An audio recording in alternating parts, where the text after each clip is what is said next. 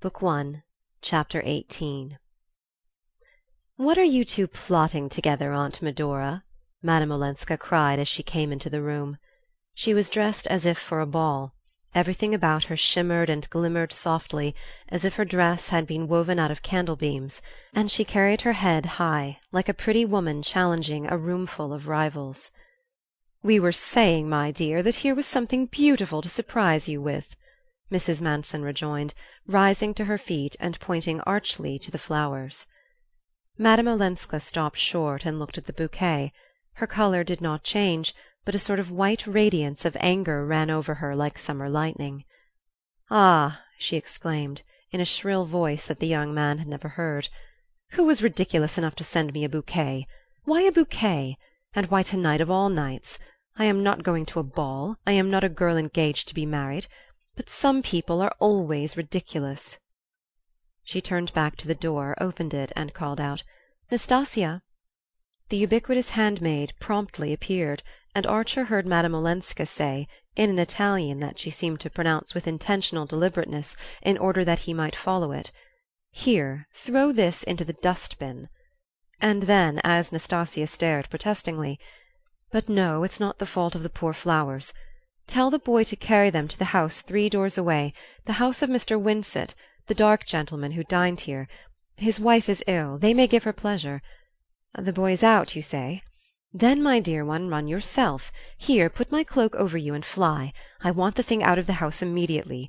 And as you live, don't say they come from me.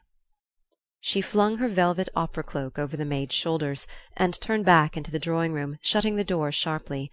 Her bosom was rising high under its lace, and for a moment Archer thought she was about to cry; but she burst into a laugh instead, and looking from the Marchioness to Archer, said abruptly: "And you two, have you made friends?" "It's for Mr. Archer to say, darling. He has waited patiently while you were dressing."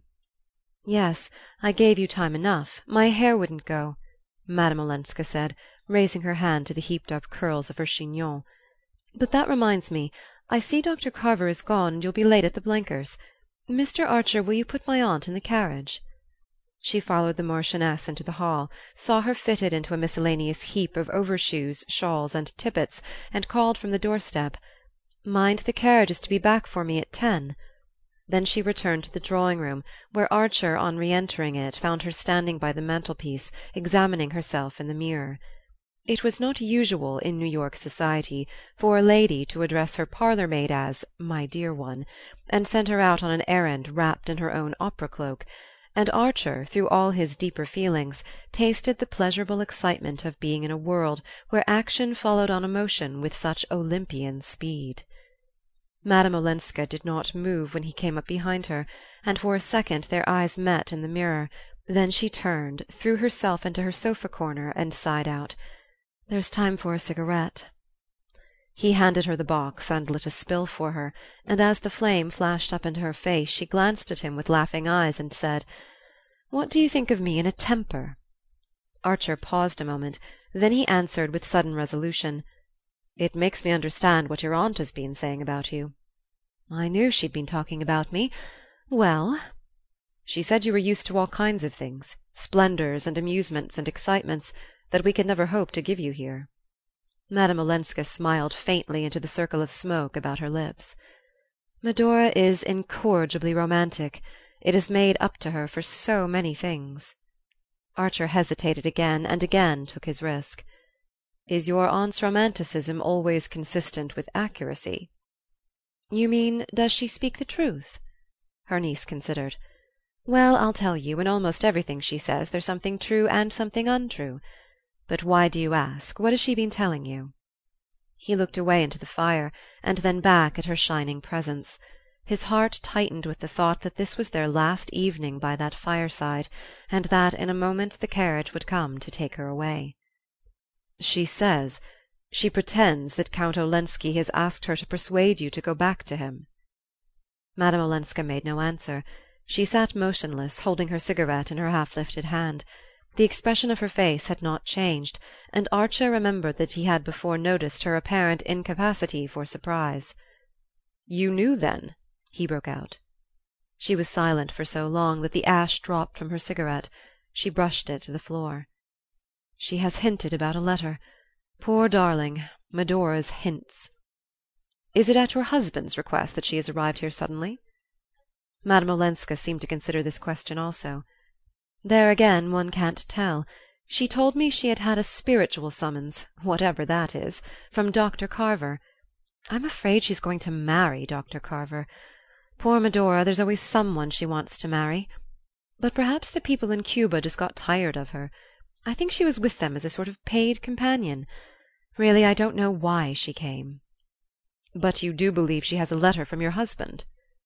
Again Madame Olenska brooded silently. Then she said: "After all, it was to be expected." The young man rose and went to lean against the fireplace. A sudden restlessness possessed him and he was tongue tied by the sense that their minutes were numbered and that at any moment he might hear the wheels of the returning carriage. "You know that your aunt believes you will go back?" Madame Olenska raised her head quickly. A deep blush rose to her face and spread over her neck and shoulders. She blushed seldom and painfully, as if it hurt her like a burn. "Many cruel things have been believed of me," she said. "Oh, Ellen, forgive me! I'm a fool and a brute. She smiled a little. "You are horribly nervous. You have your own troubles. I know you think the Wellands are unreasonable about your marriage, and of course I agree with you. In Europe people don't understand our long American engagements. I suppose they are not as calm as we are." She pronounced the we with a faint emphasis that gave it an ironic sound. Archer felt the irony, but did not dare to take it up. After all, she had perhaps purposely deflected the conversation from her own affairs, and after the pain his last words had evidently caused her he felt that all he could do was to follow her lead. But the sense of the waning hour made him desperate; he could not bear the thought that a barrier of words should drop between them again. "Yes," he said abruptly.